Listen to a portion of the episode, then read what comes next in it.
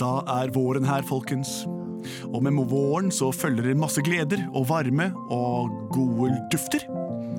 Og vi får 17. mai, vi får 1. mai, arbeidernes dag, 8. mai, som er den internasjonale frimerkedagen, og alle de andre tingene som skjer rett før sommeren setter inn, og vi tar ferie alle mann.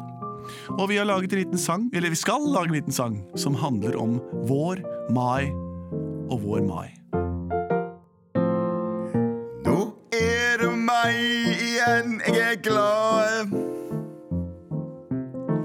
Denne meien her, den skal bli bra. Jeg gleder meg til 17. mai fordi da skal jeg få en is på si.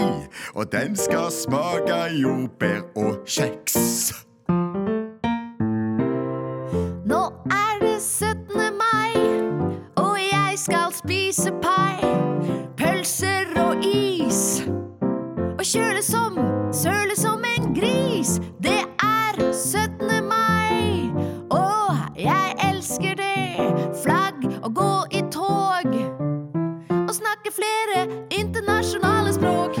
Jeg skal i hvert fall sørge for at dagen blir fjong.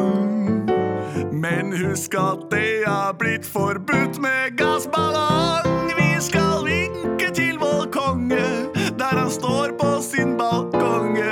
Og hele den innviklede slekten er også på slottet. Men det kommer en dag like etter 17. mai. 17.